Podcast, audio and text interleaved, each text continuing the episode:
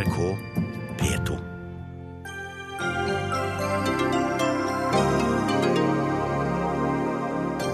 Du vingler, sier Solberg. Du utviser dårlig lederskap, sier Støre. Men er ikke disse to egentlig enige om asylpolitikken? Helseministeren fossror vekk fra egne standpunkter om sykehusene, hevder Arbeiderpartiet. Det er Arbeiderpartiet som karikerer standpunkter jeg aldri har hatt, svarer statsråden.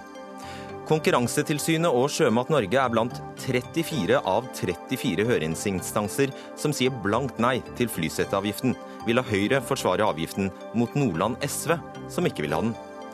Og når redaktørene skriver 'derfor skriver Aftenposten om Behring Breivik', eller 'derfor publiserer VG lydopptakene', er det pompøs og selvhøytidelig hornmusikk, hevder redaktør.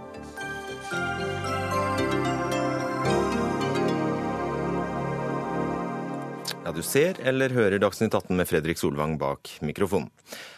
Arbeiderpartiet vingler. Erna Solberg utviser svakt lederskap. Slik går debatten mellom landets to største partier. Her et eksempel fra spørretimen i forrige uke. Det har vært ukentlige utspill mot opposisjonen om at den vingler, truer landets grenser, er useriøs fordi den har stilt spørsmål ved de sakene som har vært ute til høring. Og Her har statsministeren latt det ene regjeringspartiet holde på uke for uke med grove anklager. Statsminister Solberg. President, Statsministeren har ikke vært fraværende. Statsministeren har vært i denne diskusjonen kontinuerlig. Det er jo ikke sånn at selv om vi har et forlik, så slutter debatten. Og Jeg registrerer jo at Arbeiderpartiet har valgt å ta stilling til forslag før høringsfristen er ute. Ja, Man skulle kanskje ikke tro dette var talen til to forlikspartnere, men det er altså slik, at de, slik de snakker til hverandre, de to som er enige om grunnprinsippene i en ny og strengere asylpolitikk. Statsminister Erna Solberg, hvordan ble det slik? Det er sånn i faktisk alle de sakene der er politisk debatt om klimaspørsmål, selv om vi har et stort klimaforlik. Det at det er debatt til tross for at vi har et forlik om retningen, ikke unaturlig. Men den er også blitt sånn fordi at noen Dette er en veldig viktig sak som mange mennesker er veldig opptatt av. Eh, og eh, når det blir litt vanskeligere på, på meningsmålinger, når det er sånn, så man, leter man fort etter forklaringer på det, og det har Arbeiderpartiet gjort når regjeringen har gått opp og, har, og, de har gått ned. Og Da blir det litt sånn at da finner man en annen, en annen debatt å gå inn i, og da har det vært retorikkdebatten, som jo jeg syns er litt rar, for det at det brukes utrolig mye energi på Gullstol og nyte og jo, så videre. Men, men, det er et par uttrykk som, som er gjort knyttet til dette, som uh, man kan diskutere om er riktig, men det er ikke noe annet enn at det er en del av en politisk debatt. Uh, vi jobber jo nå med de innstramningene omleggingene og de endringene både i flyktning- og integreringspolitikken som vi er blitt enige om på Stortinget at vi skal gjennomføre. Eh, men, eh, og Da er det kanskje vanskelig å ha debatt om sak, og da blir det ofte debatt om person eller retorikk. Jonas Gahr Støre, du er med oss fra årsmøtet i Oslo Arbeidersamfunn. Hva er din forklaring på at tonen ble slik? Jeg tror statsministeren gjør det veldig enkelt for seg selv og andre hvis hun knytter dette til meningsmålinger. De vet vi går opp og ned. Men jeg var med på to store forlik i høst, og det handlet om at vi tok ansvar i en ekstraordinær situasjon.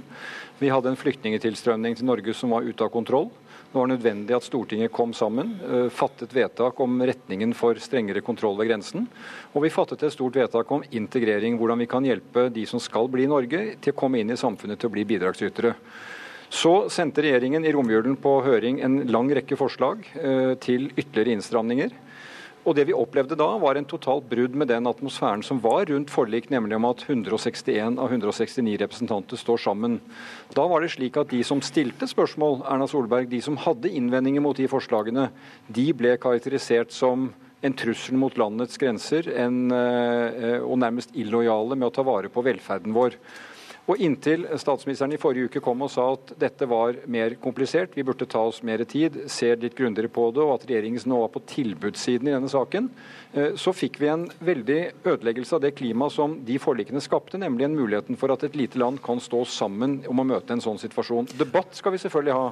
Men det var ikke akkurat særlig god debatt når noen stilte spørsmål, enten de var fra Kirken, advokater eller andre partier, og fikk høre fra særlig Fremskrittspartiet, men også Høyre-representanter, at hvis ikke du tok alt dette, så var du nærmest mot landets grenser og sikkerhet for dem. Det er ikke en riktig måte å føre debatten på. Det stemmer jo det Støre sier her, Erna Solberg. Du sendte altså en SMS til de parlamentariske lederne samme dag som høringsfristen for de 40 innstrammingsforslagene gikk ut, forrige tirsdag. Der du skrev kjære, kjære asylforlikspartnere, regjeringen er på tilbudssiden i asylpolitikken. Sett i ettertid burde du ikke ha sendt denne SMS-en lenge før? Nei, det, det, var det tidspunktet vi mener at det var viktig å klargjøre hvordan prosessen videre var. For nå var høringsfristen gått ut. Så sa vi i den SMS-en vi trenger litt tid på å gå gjennom det, men vi vil gjerne være, eh, være i dialog om eh, de tingene som trengs for å opplyse sakene, eh, høre innspillene ja, fra forlikspartene før det. Alt det bråket Støre beskriver, hadde du da kanskje unngått? Nei, de hadde ikke unngått en tøddel av det bråket. For det, det, dreide seg om noe helt annet enn de innstramningsforslagene. Det dreide seg om eh, behovet for politisk debatt på en vanskelig sak for mange. Arbeiderpartiet hadde tre forskjellige standpunkt i løpet av én uke. Ett representert ved Trond Giske, ett representert ved Helga Pedersen og ett representert ved, ved, ved Jonas Gahr Støre.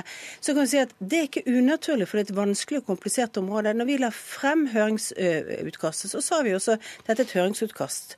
Jeg ble intervjuet om det. det var, så sa jeg at det er en reell høring. Vi vil ha tilbakemeldinger, vi har synspunkt på dette. Så skal regjeringen konkludere på de endelige standpunktene. Eh, men retningen følger jo opp innstramningene som var foreslått og vedtatt på, og, altså var valgt gjennom forliket på Stortinget. Og, men det er noen enkeltsaker som ikke er det. For det går ut av at når vi jobbet med alle disse sakene, så så vi noen hull i lovverket som vi mente måtte også tettes. Jonas Gahr Støre, eh, Hvorfor går Arbeiderpartiet ut og erklærer hvilke av disse 40 tiltakene dere er imot før høringsfristen går ut? Jo, det er fordi at eh, Vi var ikke en høringsinstans, men vi er et politisk parti, så vi følger debatten. og Vi syns det var ryddig å si fra at de forslagene som regjeringen kom med om utvidet midlertidighet, som kan føre til at folk må vente i ti år for å få avklart hvilken framtid de har, det er så dårlig for integrering at det er Arbeiderpartiet imot. Vi trengte ikke å bruke mer tid på å kunne si det klart fra. Det mener jeg opplyser debatten. Og Statsministeren sier jo nå det var bra med debatt, og vi bidro med, med det til uh, debatten. Det kan jo ikke være sånn at de politiske partiene har munnkurv fra en debatt som går i samfunnet. Men, Men samtidig, vi... da må jeg bare avbryte. fordi vi, vi, har jo, vi har jo et nokså gyllent prinsipp her i landet som heter maktfordelingsprinsippet. Og Carl I. Hagen skriver i Aftenposten i dag at dette skillet mellom utøvende og lovgivende makt forsvinner jo når partiene skal mene noe i en høringsrunde. Så skal de inviteres til Eh, diskusjoner på Stortinget, og dermed så blir regjeringen egentlig bare et sekretariat for stortingsflertallet? Det er, synes jeg, et, et, et underlig perspektiv. Det kan ikke være sånn at politiske partier og våre folkevalgte i en levende samfunnsdebatt sitter og sier at vi ikke har meninger, men vi konkluderer jo ikke før vi får en sak til Stortinget. Og Det som var sendt på høring, det er noe regjeringen nå har tatt tilbake til seg. Eh, de skal se på det på ny. Den har jo fått ganske hard medfart av viktige høringsinstanser. og det, det helt naturlige er da at regjeringen oppsummerer og kommer tilbake til Stortinget. Men la, la, oss holde oss til hva saken handler om. Kontroll ved grensene. Være i stand til å møte denne store flyktningstrømmen på en måte som gjør at Norge har den kontrollen. Det skal være en streng innvandringspolitikk. Og så skal det være aktivitet på integrering. Og Noe av det jeg er kritisk til, er jo at vi har forlik om integrering, tiltak i kommunene, komme i gang med norskopplæring, som vi ble enige om før jul, og hvor det ser ut til å skje ganske lite. Og Da er det opposisjonens rolle å etterlyse det. Kraftfulle tiltak for integrering. Menneskene skal komme i gang med livene sine. Vi har titusener på mottak. Der kan de ikke bli sittende altfor lenge. De må komme i gang med livene i kommunene. og Den debatten kan ikke vi vente på fordi at regjeringen har tenkepause. Solberg. Lørdag sa Trine Skei Grande til Aftenposten at, eh, om innvandrings- og integreringsminister Sylvi Listhaug vi har aldri innsatt Listhaug. Hun er ikke min statsråd. Nå er det jo slik at din regjering regjerer på nåde av eh, Venstre og mm. Trine Skei Grande, og du har innsatt Listhaug. Har Trine Skei Grande sine ord i behold? Ja, altså Venstre og KrF har ikke valgt statsråden i regjeringen. Det har jeg gjort, og det har Høyre og Frp gjort. I så måte så er det jo ikke sånn at noen av de statsrådene, men de har innsatt regjeringen som sådan. Eh, fordi de har vært med på et grunnlag, og vi har en avtale om det. Men enkeltstatsrådene konsulterer ikke vi med eh, andre partier om hvem som skal utnevnes, og det er heller ikke annet. Men jeg har lyst til å si tilbake til litt av det Jonas Gahr Støre sier. Det vi, har, vi, vi jobber jobber jo eh, tett på integreringspolitikken. og Vi har gjort en del, eh, bl.a. har vi jobbet med kartleggende lå en del i budsjettet. Den lange forliket og den lange menyen av ting som Stortinget har bedt oss om å utrede nærmere og komme tilbake med forslag på, den har vi jo hele tiden at en forutsetning skal komme i forbindelse med den, den meldingen som vi har sagt skulle komme i mai måned. Når man nå mener vi skulle ha gjort alt dette mye raskere og på annen måte, så er jeg litt forbauset, rett og slett. For det var helt klart og tydelig at dette måtte vi ta i det tempoet. Det er ganske komplisert og store sammenhenger. Det er budsjettmessige virkninger av mange av de forslagene. Eh, og så kommer vi med det på det tidspunktet vi faktisk var enige om at vi skulle gjøre det. Og så må jeg si en ting til. Jeg syns at denne Det har vært litt rart å høre på Arbeiderpartiet i det siste. Dette er landets største parti.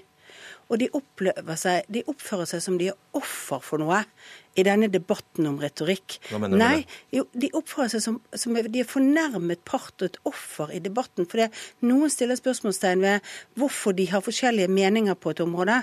Det syns jeg er veldig rart. Det er en helt vanlig debatt. Jeg syns det er ukledelig for et stort parti å være, late som de er offer. Erna, Erna, Solberg, når du bruker sånne begreper med andre, så tror jeg du ser deg selv mer i speilet enn noe annet. Det, det er en type karakteristikk av oss som jeg bare vil totalt avvise. Vi har stilt spørsmål ved de forslagene som er sendt ut, og vi har fått høre tilbake, ikke bare vi, men om vi kommer fra Kirken, advokat, Unicef, Redd Barna, folk som har stilt spørsmål, får høre at de truer landets grenser.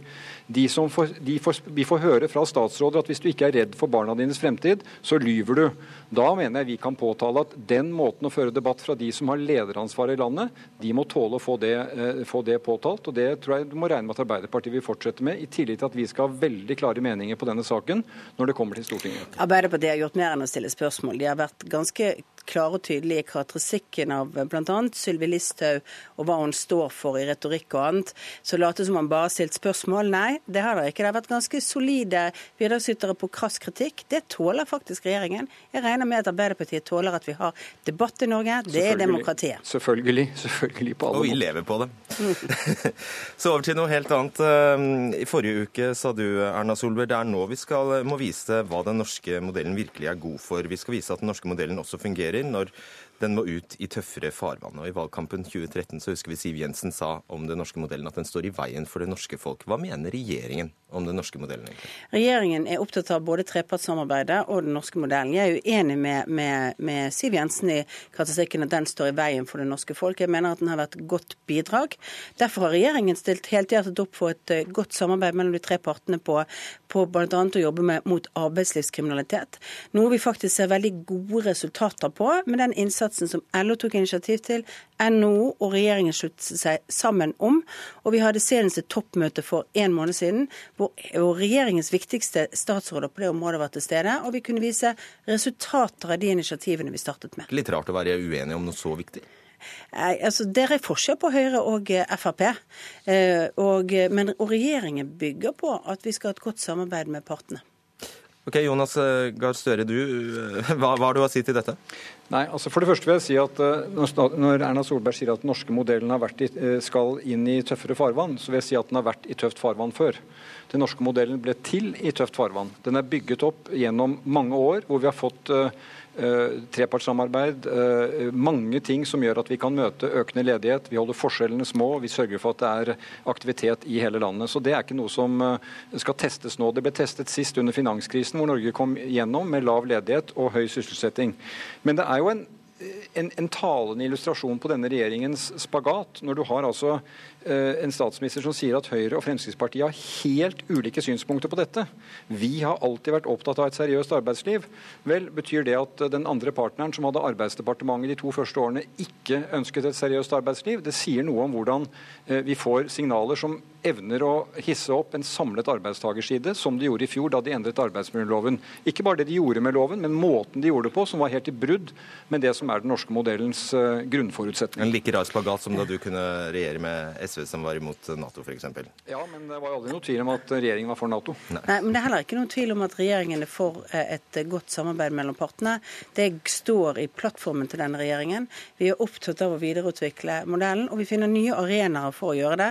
Og Det er altså arbeidslivskriminalitet. Og Jeg har aldri hørt, uh, hørt Fremskrittspartiet være imot å slå ned på arbeidslivskriminalitet, hvis det var det uh, Jonas Gahr Støre forsøkte å implisere nå. Uh, det er vi alle opptatt av, men vi gjør det mye mer effektivt enn det som har vært tidligere. Det som er viktig, og jeg har lyst til å understreke, Når jeg sa at, at, den norske modellen nå skal testes, det er fordi vi går inn i større omstillinger. Vi skal skape nye jobber fremover. Og vi må ha nye jobber i konkurranseutsatt privat sektor som kan betale skatt i fremtiden. Og vi gjør den, og Jeg hører ofte at Jonas Gahr Støre sier at vi har omstilt oss mange ganger, og kan omstille, dette kan Norge godt. Ja, men dette til en helt annen type omstilling enn det vi har hatt før. For nå har vi ikke et stort trekk som, som vi hadde før. Vi hadde stor dynamikk og trekkraft fra en olje- og gassnæring som trengte arbeidskraft, og som hentet ut arbeidskraften. Men dette er jo ikke dere to er uenige om? Nei, men, men det som skjer nå, det er at vi skal altså omstille oss uh, uten at vi har den typen trekkraft. Det gjør at det blir vanskeligere. Jo. Det gjør at vi må jobbe mer med det regjeringen har begynt på, på forskning, på utvikling.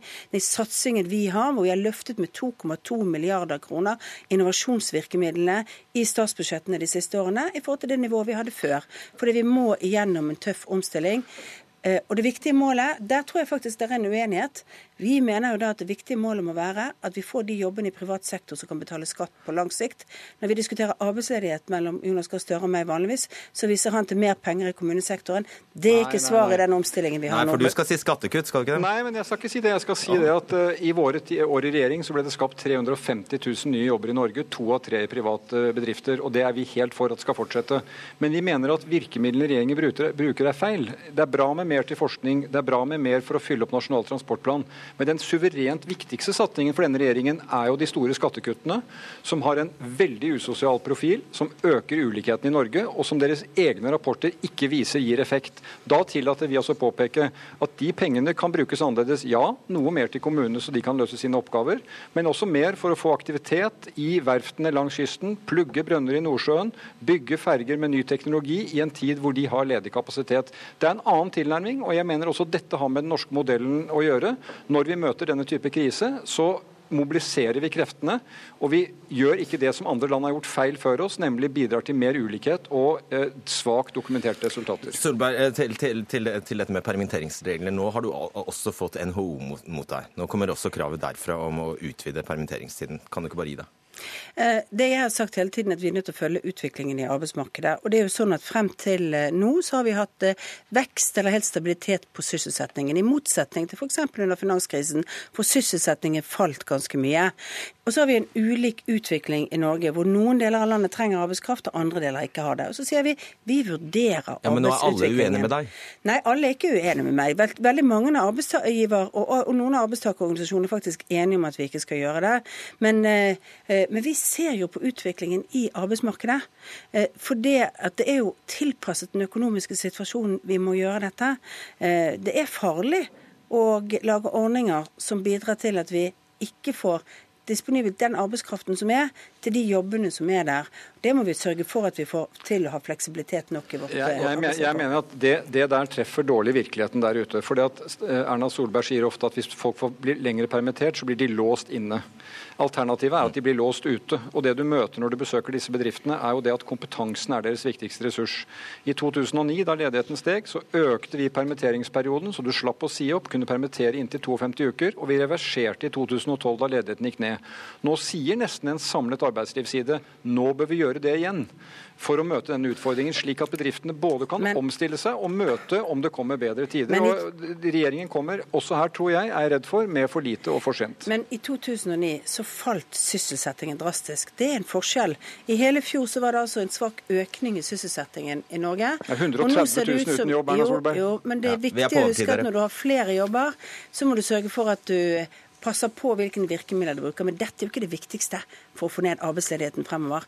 Det viktige for å få ned arbeidsledigheten og skape jobbene. Og eh, det jeg syns er litt monomant fra Arbeiderpartiet, det er den typen tiltak som bidrar til litt andre løsninger akkurat nå, men som på lang sikt ikke bidrar nå, til flere jobber. Nå, nå, nevnte jeg det som mitt, nå nevnte jeg det som mitt siste poeng. Jeg nevnte en lang rekke andre tiltak som kan få nye bedrifter, nye arbeidsplasser rundt om i Norge. Og det med permitteringsregelverket er altså ikke det viktigste for å skape de nye jobbene. Her er et ja-nei-spørsmål til deg på tampen, Støre. Hadde det vært færre arbeidsledige i Norge dersom du var statsminister? Ja, det hadde det. Ok. Takk skal dere ha, Jonas Gahr Støre og Erna Solberg. Dagsnytt 18 alle hverdager klokka 18.00 på NRK P2 og NRK2.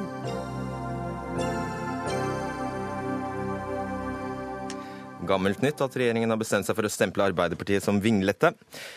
Derfor må det vel føles ekstra tilfredsstillende for Arbeiderpartiet når de endelig kan beskylde helseminister Bent Høie for å vingle.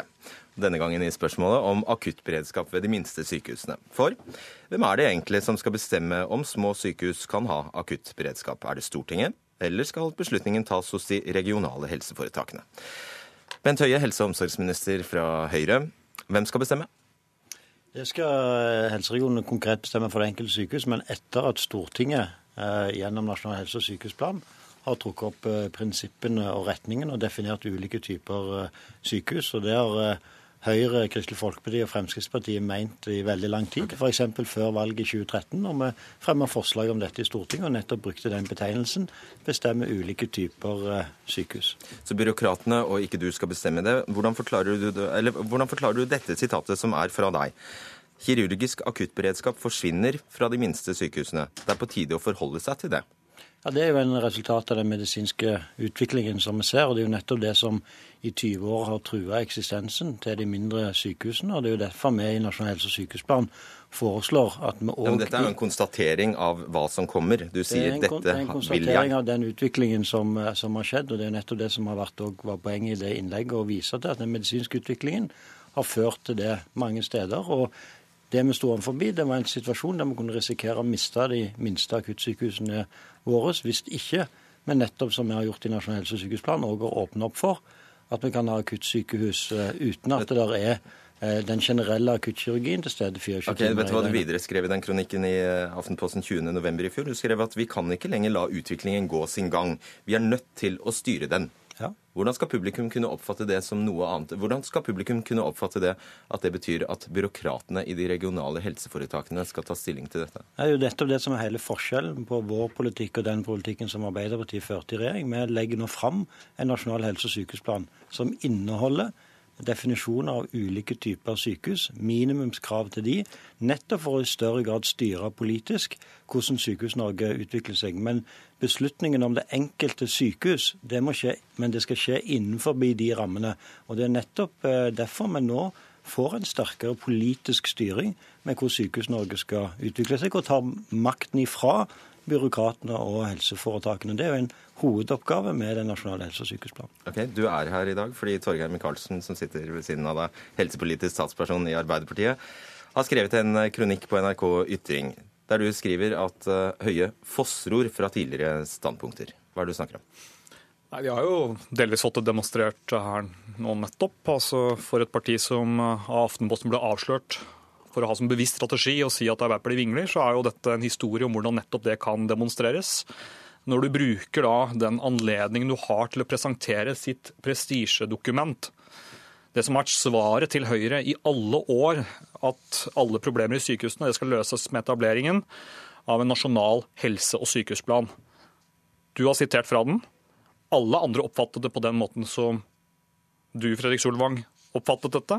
Det ble i hvert fall oppfattet slik på denne, disse fem stedene som Bent Høie klarte å sette på en slags svarteliste, som ville miste eh, den akuttkirurgiske beredskapen dersom Stortinget gjorde det han ønsket at Stortinget skulle gjøre. Og nå har det altså gått opp for han at verken Arbeiderpartiet, mellompartiene eller for så vidt de andre partiene som, som, som har mer ytterliggående standpunkt vil jeg si rundt dette, ikke støtter denne snevre formen for definisjon og snevre formen å se Sykehus-Norge på, da har han plutselig snudd trill rundt og sier at dette var aldri det han mente. Dette er en politisk nytale eh, og et begrepsapparat som nå fortjener å få en avklaring. Vil f.eks. Lofoten, da, som du har satt på denne listen, Bent Høie, miste akuttkirurgisk beredskap, eller ikke hvis Stortinget gjør som du vil? Det kan du svare på. Det kan jeg eh, svare på. Det har jeg òg eh, svart på alle de gangene jeg har vært i Lofoten eh, og møtt de som jobber på sykehuset. Nemlig at det er sånn at Stortinget skal slutte seg til de ulike typene sykehus.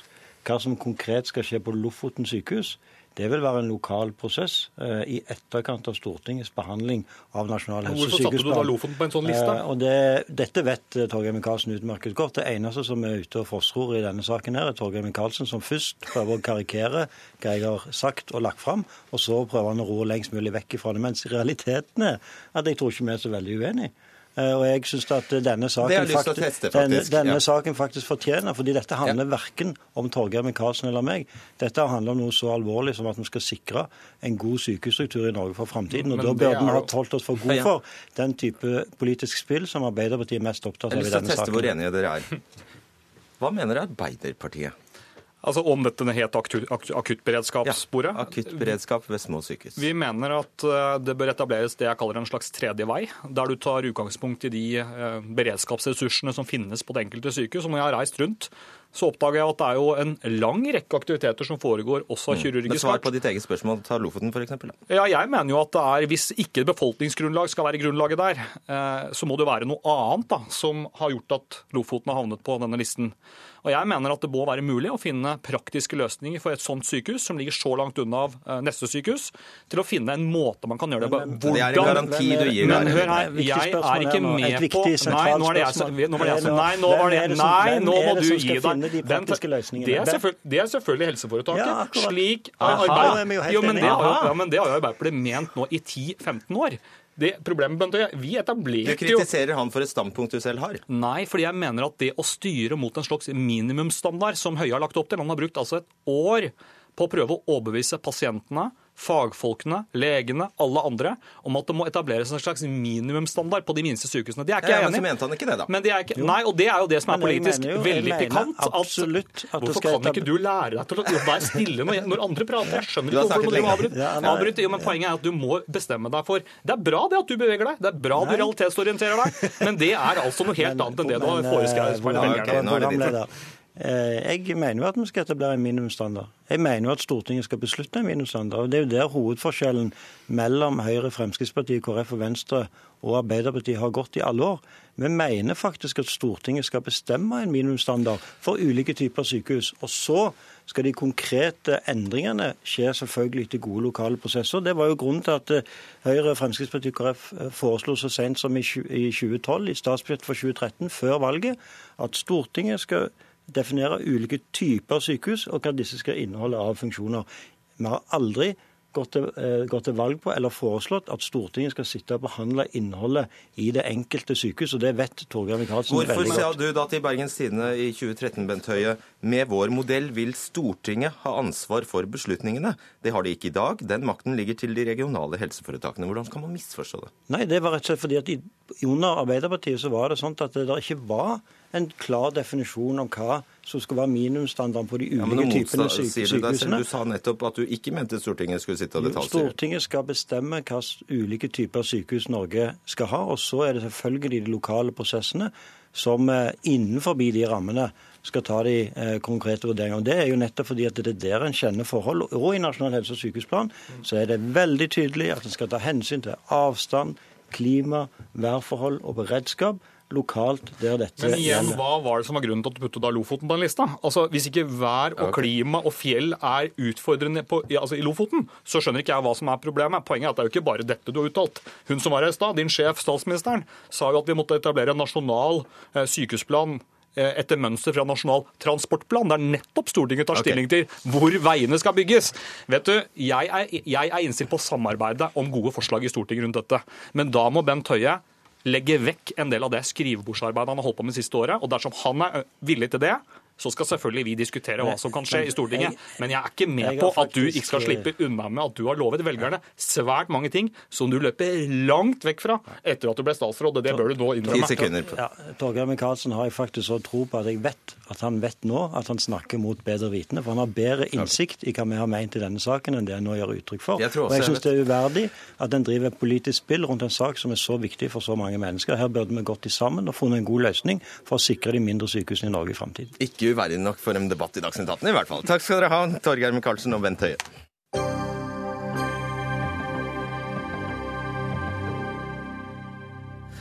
«120 000 kroner kan du tjene om du skyter ned de resterende gaupene i Lyngen kommune i Troms. For nå har kommunen innført skuddpremie på rovdyret, som tar om lag 500 sau i året. Og nå har flere lokale næringer inngått spleiselag for å bli kvitt gaupa. Dan Håvard eh, Johansen, ne, Johnsen, unnskyld, du er ordfører i Lyngen kommune for lokal liste. Nå er det jo sånn at gaupa er på rødlista i Norge. Hvorfor gjør dere dette da? Ja det stemmer godt, det vet vi. Men eh, fylkesmannen har per definisjon sagt at eh, Lyngen kommune skal være fri for rovdyr og ynglende rovdyr. Og vi har en eh, stadig voksende gaupebestand som ikke går hand i hand med vår største næring, jordbruk og reindrift. Så gaupa kan eh, innfinne seg i andre Gaupa kan befinne seg i alle andre kommuner enn i Lyngen. Helt korrekt. Det er en rekke områder der gaupa kan leve og ha det bra, men i Lyngen er den dessverre dødsdømt. Og vi setter ikke pris på det, men slik er det. Respekterer gaupa det? Den tenker nok ikke slikt. Og, og, spørsmålet om å respektere det, det er vel andre som en gaupa som respekterer det mindre. Okay. Sverre Lundemo, du er rovdyrekspert i WWF eh, Norge. Er, er, det lovlig å sette en skuddpremie på gaupa på den måten? Det er lovlig å sette skuddpremier på jaktbare arter, men når, når vi las den saken for første gang om at det var satt skuddpremie på gaupe i Lyngen, så var det litt som et gufs fra en annen tid. Litt sånn, Det minner om eh, en politikk som man skulle tro vi hadde gått bort ifra. Det da? Nei, det var jo sånn at på, I 1845 så innførte man jo en lov om der en skulle utrydde rovviltet i mest mulig grad i Norge. Og Som en del av det så det, da starta han opp med skuddpremier. Og Det var ganske store skuddpremier. og Det fungerte effektivt. og han fikk utredert veldig mye dyr og fugler som en, som en syns ga skade. Men uh, hvis Fylkesmannen har bestemt at det ikke skal være gaupe i Lyngen, så må man jo gjøre et eller annet for å uh, iverksette det? Ja, nå har vel ordføreren misforstått litt akkurat der. For det er jo sant som sies at det er for ulike soner der gaupene skal være prioritert, og der sau skal være prioritert. Men det betyr ikke at de områdene der sauen er prioritert, at gaupa ikke er lov til å være der i det hele tatt. Aha. Du har misforstått, Johnsen.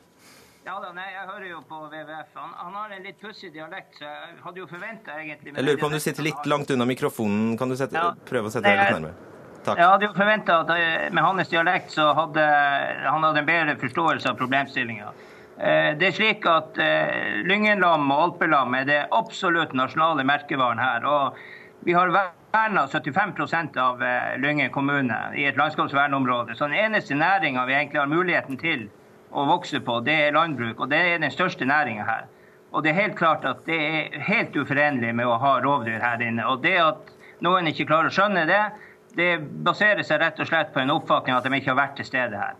Eh, WWF burde heller ha brukt ressursene på å komme hit og se på hvordan kan vi ta ut rovdyrene uten å drepe dem. Det er en mer interessant problemstilling. Og det er vi gjerne med på å diskutere og se på mulige løsninger. Det er du for, men likevel utsteder du eh, skuddpremie? Ja da, det har seg slik at det er faktisk positivt for gaupebestanden at vi tar dem ut i Lyngen. Som sagt, De gaupene som er her i Lyngen, de er dødsdømt. De blir tatt ut gjennom kvotejakt eller skadedyrsfelling utstedt av Fylkesmannen. Slik at hvis vi skyter gaupe i Lyngen, ja, så overlever det gaupe i Finnmark eller i eh, sør, nord i Nordland. Slik at uh, Vi har seks gauper som skal tas ut i region 8, som er et ganske stort område. Og hvis vi tar dem ut i gaupen i Lyngen, så overlever det andreplass. Skjønte du ikke dette bak skrivebordet ditt i Oslo? Jo, altså, Vi forstår jo at det er kvotejakt på, på gaupe, eh, men nå er jo en gang den jakta på gaupe er jo veldig attraktiv. Og det er sjelden noe problem å fylle de kvotene. Så, og at en da skal på en måte være nødt til å gå til ytterligheter som å sette opp en skuddpremie, det er helt uforståelig. Men det må jo være strålende at alle gaupene blir skutt som er dødsdømt. Altså, det blir ikke, altså, Fylkesmannen utsteder dødsattest på gaupen i Lyngen uansett med skadefelling. Ja, kunne du ikke ha ventet på det, da? Kunne du ikke ha ventet på det? Kunne, kunne du ikke bare ha ventet på Fylkesmannen? Jo, jo, selvfølgelig kan vi det, men da, da, slipper, vi, da slipper vi dem ut på beite, dyrene, og vi får en rekke trasige tilfeller der bøndene taper Eh, mye sauer. Det går mye lidelse i, i form av drepte og oppetne dyr, og samt økonomiske tap. Det er rett og slett eh, det er penger som blir henta ut av lønnskontoen til vår største næring, og det, det, er ikke holdbart. Det finner vi oss ikke i. Lundemo, i 2014 ble det utbetalt 12 millioner kroner i erstatning etter tap av rein til, eh, til rovdyr i, i, i, Troms.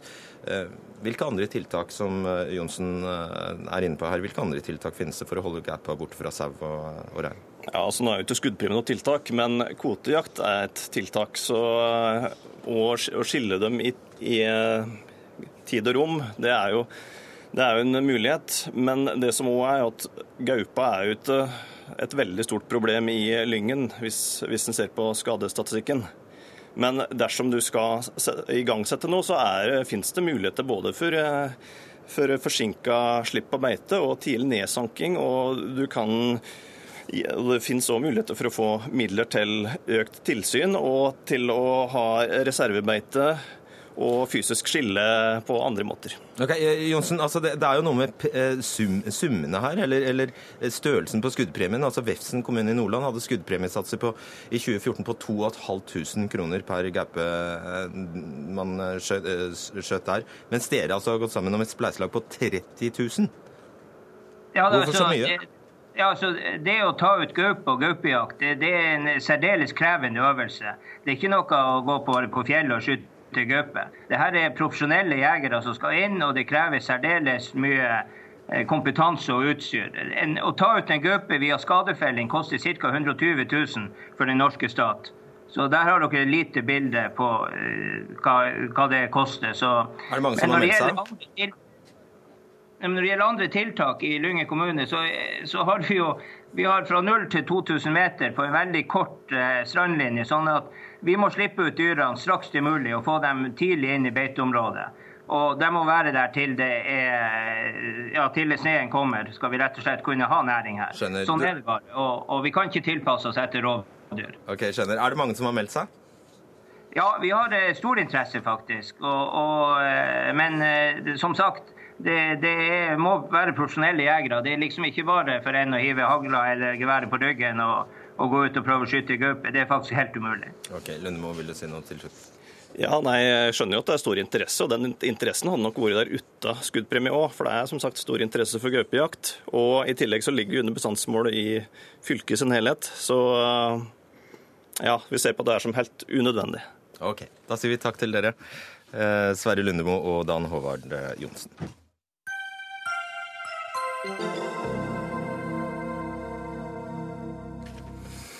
Konkurransetilsynet er siste instans ut, som eh, advarer mot flypassasjer- eller flyseteavgiften på 80 kroner, som regjeringen og støttepartiene vil innføre. Avgiften eh, kan føre til ulike konkurransevilkår, og bør ikke innføres før dette er utredet nærmere, mener tilsynet. Og da er det sånn at alle de 34 høringsinstansene som til nå har uttalt seg om forslaget, vender tommelen ned for den nye avgiften. Gjermund Nese, du er avdelingsdirektør i Konkurransetilsynet. og Det er altså to hovedgrunner til at dere frykter denne avgiften kan være skadelig for konkurransen. Hvilke da? Ja, Det er helt riktig. Eh, vi har pekt på eh, særlig to forhold som vi er bekymret for. Eh, det ene knytter seg til at avgiften er utformet på en måte som kan ramme lavprisselskaper hardere enn såkalte fullserviceselskaper. Den andre effekten knytter seg til reiser der eh, passasjerene bytter fly og bytter selskaper. Eh, på sånne reiser så vil avgiften ramme ulikt, avhengig av om disse flyselskapene har en samarbeidsavtale med hverandre eller ikke. Ok, La oss ta det første først. Der, eh, for å oversette det, så er det vel egentlig strengt tatt Norwegian vi snakker om? Ja, altså særlig altså når det gjelder dette med lavprisselskaper og fullserviceselskaper, så kan det nok være flere selskaper enn Norwegian. Men, eh, men, her er det, det vi tenker på da, er at selskapen selskapene gjerne har ulik innretning. Og en sånn flat avgift på 80 kroner som det her er snakk om, den vil utgjøre en vesentlig større andel av en lavprisbillett enn av en, en dyrere billett. Det er ren matematikk, ja. Og så den andre problematikken, som da er disse transferpassasjerene. Ja, der kan du gjerne bruke Norwegian som et uh, eksempel. Uh, der er det altså snakk om en uh, Helt konkret så kan du tenke deg en reise som innebærer et flybytte. Der du starter reisen med, med Widerøe, og så tar du videre på siste strekningen med enten SAS eller Norwegian. Tar du kombinasjonen Widerøe-SAS, så utløser det én sånn avgift. Tar du kombinasjonen Widerøe-Norwegian, så utløser det to avgifter. Mm. Så i ytterste konsekvens, hva frykter dere? I ytterste konsekvens så er det vi frykter at, at, konkurransen begrenses, at det blir færre aktører i det norske luftfartsmarkedet. Og Effekten av det kjenner vi jo. Redusert konkurranse kan gi dårligere tilbud og høyere priser til flypassasjerene da i dette tilfellet her. Ja. Og Konkurransetilsynet er ikke så veldig opptatt av klima? Konkurransetilsynet er opptatt av eh, konkurranse og kommer med innspill som, som, dreier seg om det. Og så får det være opp til beslutningstakerne å ta de øvrige hensynene. Det var lurespørsmål. Takk skal du ha, Gjermund Nesse. Eh, Svein Flåtten, stortingsrepresentant for eh, Høyre. Ikke en eneste altså av de 34 høringsinstansene som har uttalt seg til nå, vil ha denne avgiften, så nå er det vel på tide å gi seg? Ja, Nå er jo ikke dette en høring om hvorvidt man vil ha avgiften eller ei. Det er jo en høring om hvordan den skal gjennomføres. De benytter nå jaggu sjansen, muligheten, de det instansene er, som finnes. Det er dine ord, men eh, Stortinget har vedtatt at den skal innføres fra 1.4.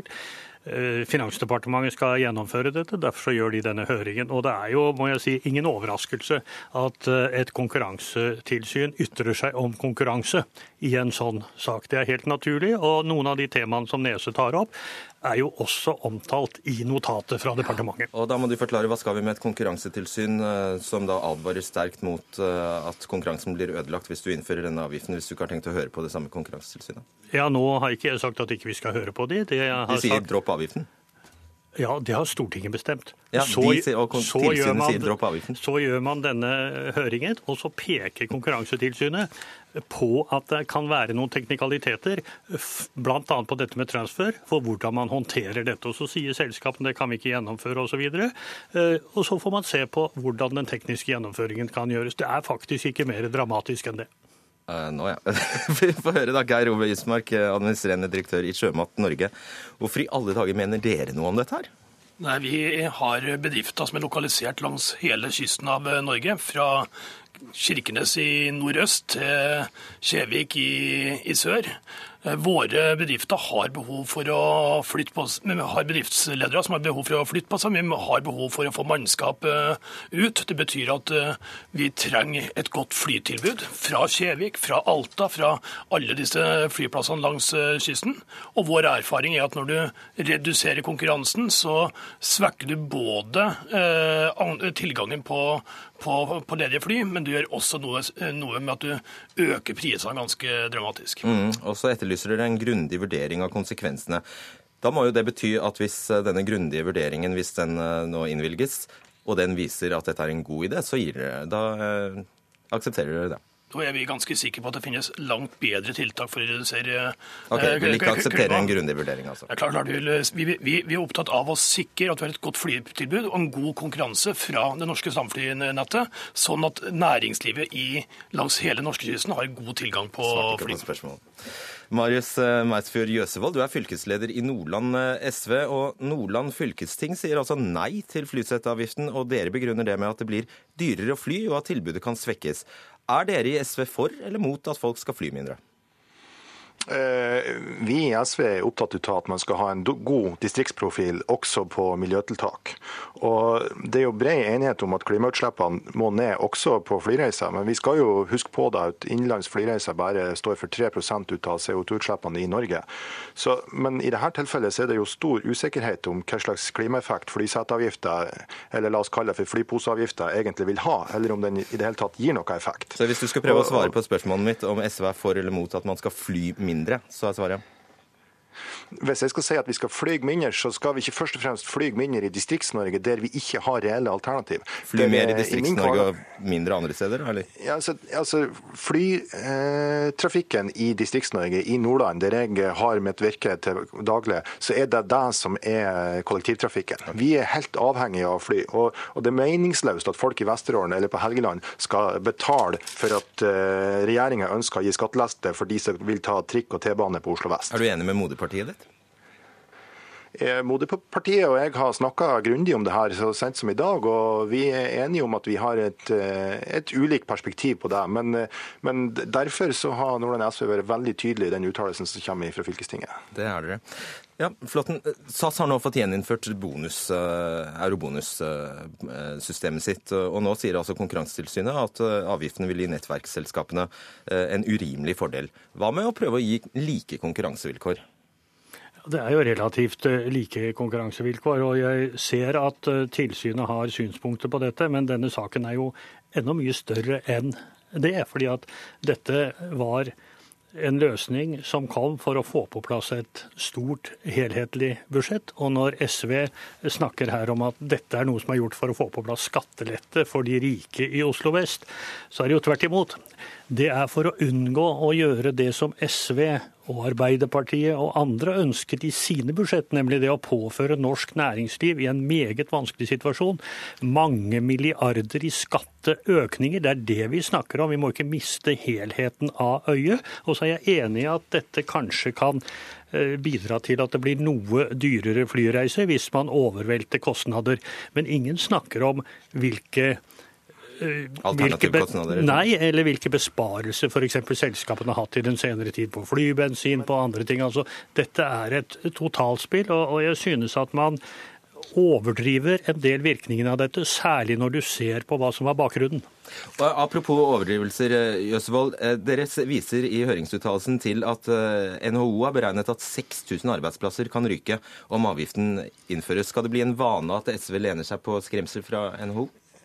Ja, altså, eh, NHO sine vurderinger er selvfølgelig en av de vurderingene som eh, man må ta med. Men vi kan ta et helt konkret eksempel. Hvis man i dag flyr fra Skagen i Stokmarknes, Vesterålen, til Oslo, så må man altså da betale 88 kroner fra Skagen til Bodø. Man må betale 88 kroner videre til Oslo hvis man flyr med Norwegian. Samme tilbake igjen. Det blir altså fordyrende for næringslivet på 360 kroner for å ta en tur til Oslo. I Nord-Norge er vi helt avhengige av å dra til Oslo for å legge fram vår sak, fordi at Flåtten og uh, hans regjering er veldig opptatt av å strype mulighetene på næringslivet i Distrikts-Norge. er distrikts... hvis, man først er bekymret, hvis man er bekymret for næringslivet, hvorfor ser man ikke da på budsjettet hva som ellers er gjort for næringslivet? 2% lavere selskapsskatt, som gjør at selvfølgelig næringslivet er bedre i stand til å betale den, jeg understreker, eventuelle prisøkningen som kommer fra selskapene. Man må se sammenhengen i dette. Uh, Ismark, det er jo... Med den ene handa og, og, tar inn igjen med den andre hånda, så er det jo et nullsumspill. Og, og, vi vet òg at Helse Nord har uttalt at man får altså 12,5 millioner kroner i mer utgifter for helsevesenet fordi at vi har så lange avstander i Nord-Norge. Så driver vi i stor grad med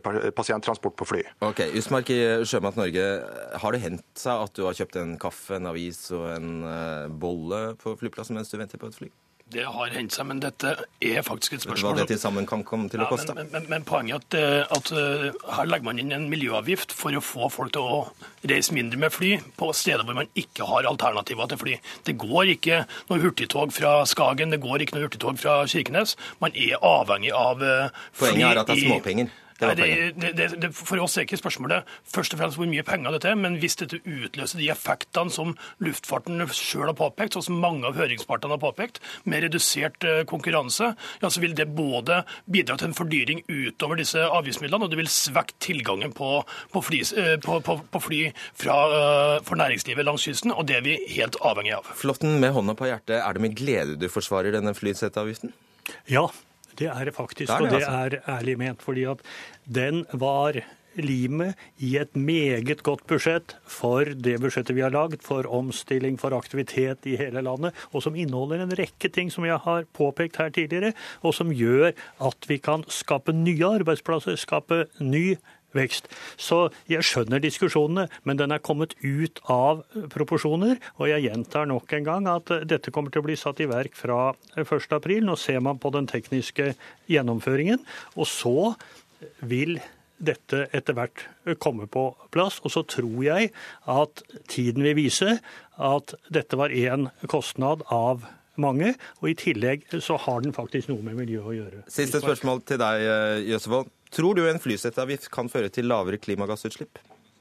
Nei. Basert på? Det er basert på det at eh, i Nord-Norge, det her jeg kommer ifra, så er vi helt avhengig av fly uansett. Hvis vi skal til Oslo og, og, påvirke den nasjonale politikken som går i feil retning, så er vi helt avhengig av fly. Og det kommer vi til å gjøre uavhengig av hva kostnaden blir. Det vil koste oss enda mer å påvirke politikken. Ok, og du får samme spørsmål. Ismark. NHO Luftfart er jo sikker på at eh, dette vil føre til mindre, at vi flyr mindre. Men der er du kanskje uenig med NHO Luftfart? Da? Ja, altså Behovet for å flytte på seg vil være det samme med eller uten avgifter. Spørsmålet er om dette fordyrer, og om det reduserer tilbudet for eh, bedriftene langs, eh, langs kysten. Og gjentar at det er 80 kroner det er snakk om. Takk skal dere ha. Gjermund Nese, uh, Geir skal vi se, nå mistet jeg Ove Ismark, Marius Meisfjord Jøsevold og Svein Flåtten. Sånn var det. Hør Dagsnytt 18 når du vil. Radio NRK Radio.nrk.no.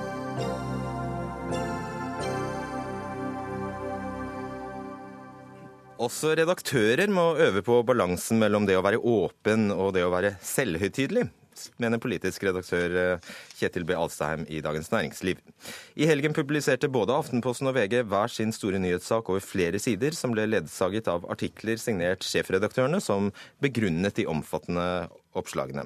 Derfor skriver vi om Behring Breivik, skrev Aftenpostens eh, Espen Egil Hansen, og derfor publiserer VG lydopptakene, skrev VGs eh, Torry Pedersen i forbindelse med den siste utviklingen i Treholt-saken. Og det er da du, eh, Kjetil, Kjetil B. Alstaheim, sier i en kommentarartikkel at gjør jo, vi gjør jo bare jobben vår. Hva mener du med det? Ja, det er, jo, det er, jo, jobben vår, da, å lage journalistikk. Eh, så det, altså, Med den, den, saken til eh, Jeg, jeg syns jo begge disse sakene var veldig gode. Eh, så, så, det er så, det er sagt. Men hvis vi tar da Aftenposten først, så hadde de altså hele forsiden på lørdag om denne saken om Breivik og rettssaken om soningsforholdene hans. Og så hadde de sju sider inni. Og så kommer det da en, en niende side med, der Espen Egil Hansen skal forklare hvorfor de har gjort, eh, gjort det, det, de har gjort på åtte sider foran. Og jeg, jeg tror ikke at Aftenpostens lesere egentlig er så tungnemme at de trenger en forklaring etter at de har lest åtte sider først. Så hvorfor tror du han gjør det? Eh, jeg tror dette handler litt om, eh, litt om den der åpenhetskulturen og, som, som, man dyrker i sosiale medier og som du ser mye i bloggsfæren og sånn. At eh, det er viktig å by på seg selv og, og være åpen. Men, men, jeg vil jo si at åtte siders reportasje, det er ganske mye åpenhet. Og hvis man da ikke har greid å få frem på de åtte sidene hvorfor det var viktig og riktig å skrive om dette, så er det noe som er gått galt. Espen Egil Hansen, sjefredaktør i Aftenposten. Det er ikke et forsøk på å bare skryte litt? Nei, altså Heim har rett i at Aftenpostens lesere ikke er tungnemme. Det, det skal jeg gi ham. Eh, men uh, situasjonen her var i og for seg, eller bakgrunnen var uh, alvorlig. Vi kommer med en grundig sak om rettssaken mot Behring Breivik, som kommer opp om noen uker. Og da vet vi at det sitter pårørende og berørte Eh, som, eh, som, reagerer på at vi gir Behring Breivik så mye spalteplass eller, eller tema. Så eh, hensikten var å gi en forklaring eh, til akkurat eh, det, verken mer eller mindre. Ellers er jeg jo enig i at journalistikken står på egne bein. Ok, Nå kan du gyve løs på sidemannen. Du har altså innsigelser også til at VG, når de eh, skal begrunne, eller når de publiserer lydopptakene, de tidligere upubliserte lydopptakene, eh, i forbindelse med Treholt-saken, som gjør Torry Pedersen det samme. Han begrunner hvorfor han gjør det. Det er jo det er litt av det samme at du ser, eh, ser, eh, disse to eksemplene, og også andre eh, som vi har sett i det siste. Jeg har ikke telt opp, så jeg vet ikke hvor, hvor mange eksempler eller hvor hyppig det er, eller hvilke medier som gjør det mest. Men det er du kan si, I journalistikken så har man jo et ideal som heter 'show it, don't tell it'. Eh, altså at du skal, du skal, vise det, du skal ikke uh, ha behov for å forklare uh, dette etterpå. Og her var det jo Jeg syns jo i begge disse eksemplene så har man vist godt gjennom reportasjene hvorfor dette er viktig og riktig å skrive om og okay, publisere. Du, du, får forklare det, Torje Pedersen, ansvarlig redaktør og administrerende direktør i VG. Hvorfor måtte du forklare din egen journalistikk? Jeg vil jo si det å publisere Eh, lydopptak eh, av folk som ikke vet at de er avlyttet eh, i Norges mest leste organ. Det er jo et, en inntrengen som er komplekst rent sånn presseetisk. Og da mente jeg at det var et poeng å fortelle hvorfor vi gjorde det. Det var jo for å dokumentere autentisiteten i det materialet vi satt på. Men tror du ikke folk skjønte det? Uh, ja, nå, jeg har vært redaktør nå i siste Jeg har vært i 13 år, da, men altså nå i de siste fem årene. Så jeg har skrevet seks sånne 'Derfor gjør vi det'. Tre i forbindelse med Behring Breivik, når det var. Den ene var for øvrig skrevet av Espen Egil Hansen i mitt navn, fordi at jeg var på en flyplass i eh, New York, men jeg fikk lest det akkurat før jeg i VG. ja, ja, det var godt å vite.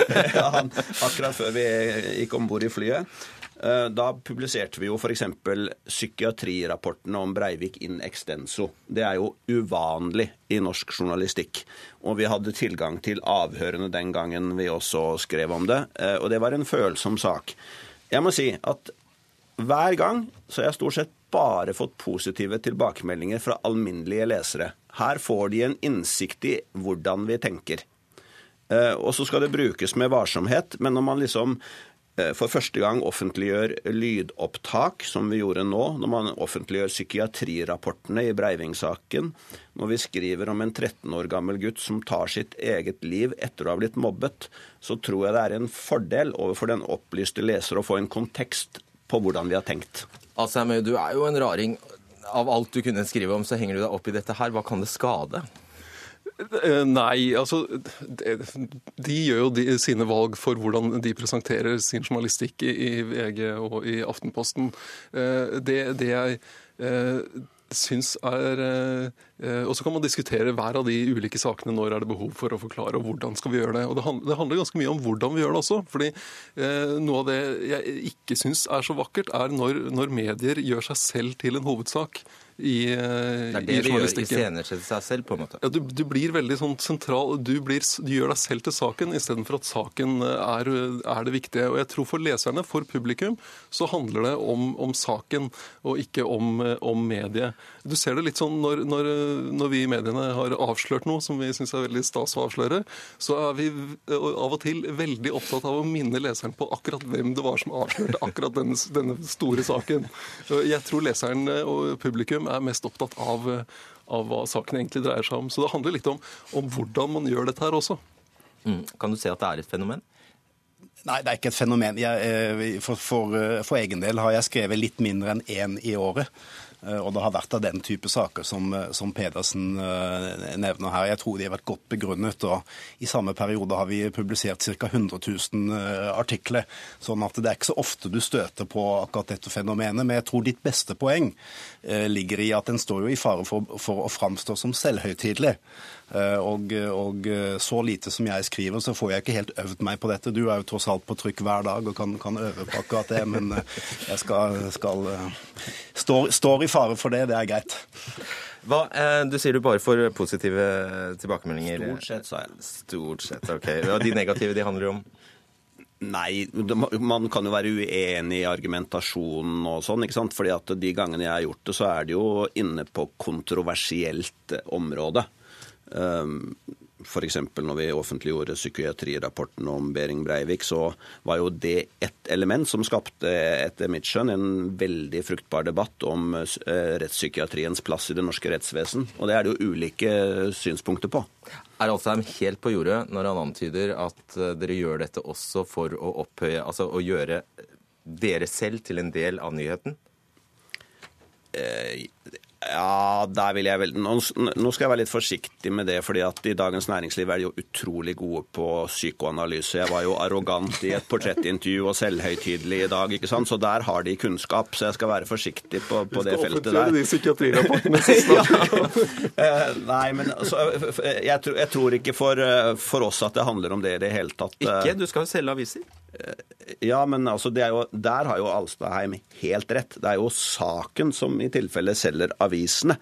Poenget er bare å gi det en kontekst som kan være eh, Lesere liker å få innsikt Du skryter jo hver anledning for, for, av, av, de prisene dere vinner. Branding betyr jo en del. Ja ja, men altså det, det gjør vi jo. Men det er da helt legitimt å fortelle. Det henger utafor. Når vi går på vei inn i studio her, så er jo hele veggen dekorert med sånne diplomer for at noen av dere har snakka i radio. Astheim, er det hvor, hvor skal dette ende, Astheim? Dette ender vel med at snart, du sier snart at tiden er ute, og så kan du gå og skrive 'Derfor tok vi denne debatten i Dagsnytt 18'. Jeg føler vi går litt på tomgang, men du må bare fortsette, for det er ett minutt igjen. Er det noe annet enn Er det, er det flere alvor? Er det, er det noe mer alvor over denne saken, syns du? Eh, nei, altså eh, Det, er eh, jeg, tror ikke Du spurte her om, det, om de, de, gjorde det fordi de skulle som, gjøre seg selv til saken, men jeg tror, jeg tror, ikke nødvendigvis Jeg tror det er gode motiver, og de har hørt, hørt flere av dem her, men det er litt med hvordan effekten av det blir. At du, blir, eh, du plasserer deg selv i, i, sentrum for saken. Og det, er klart Jeg skal være forsiktig med å beskylde andre for å være selvopptatt når jeg har eh, i visen opptil flere ganger i uka. Så. og DN skriver jo overdrevent mye om eh, skiforholdene for middelaldrende menn, eller skiutstyret til middelaldrende ja, menn. Kanskje kunne, det kunne vært en interessant derfor hatt, skrive om seg? Derfor skriver vi ganske mye om å gå på ski i Nordmarka. Den kunne vi hatt, men det Det har vi da ikke. Det er eneste finansavisen i verden som har flere mellomtider i Birkebeineren enn aksjekurser. Men det er klart, Jeg venter jo på at Torry Pedersen skal skrive derfor skriver vi enda en sak om det farlige magefettet. Det er okay. den vi vil lese. Nå er jeg faktisk glad deg over. Takk skal dere ha, Kjetil eh, Alstaheim, Torry Pedersen og Espen Egil Hansen. Dere fikk avslutte denne Dagsnytt 18-sendingen, som i dag var lagd av eh, Dag Dørum. Teknisk ansvarlig var Lisbeth Sellereite, og i studio Fredrik Solvang.